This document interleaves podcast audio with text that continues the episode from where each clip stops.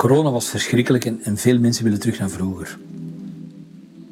Ik denk dat we ambitieuzer moeten zijn. We moeten een betere samenleving nastreven. Elke crisis heeft zijn problemen en moeilijkheden, maar biedt ook kansen en nieuwe inzichten. We stonden minder in de file, we genoten meer van het groen, we werkten van thuis. We hebben begrepen dat we onze zorgcentra kleiner, menselijker moesten worden.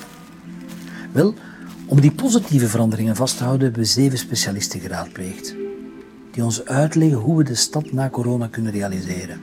Een stad van vrijheid, van kansen, van nieuwe mogelijkheden, innovatie, maar vooral ook een stad van hoop.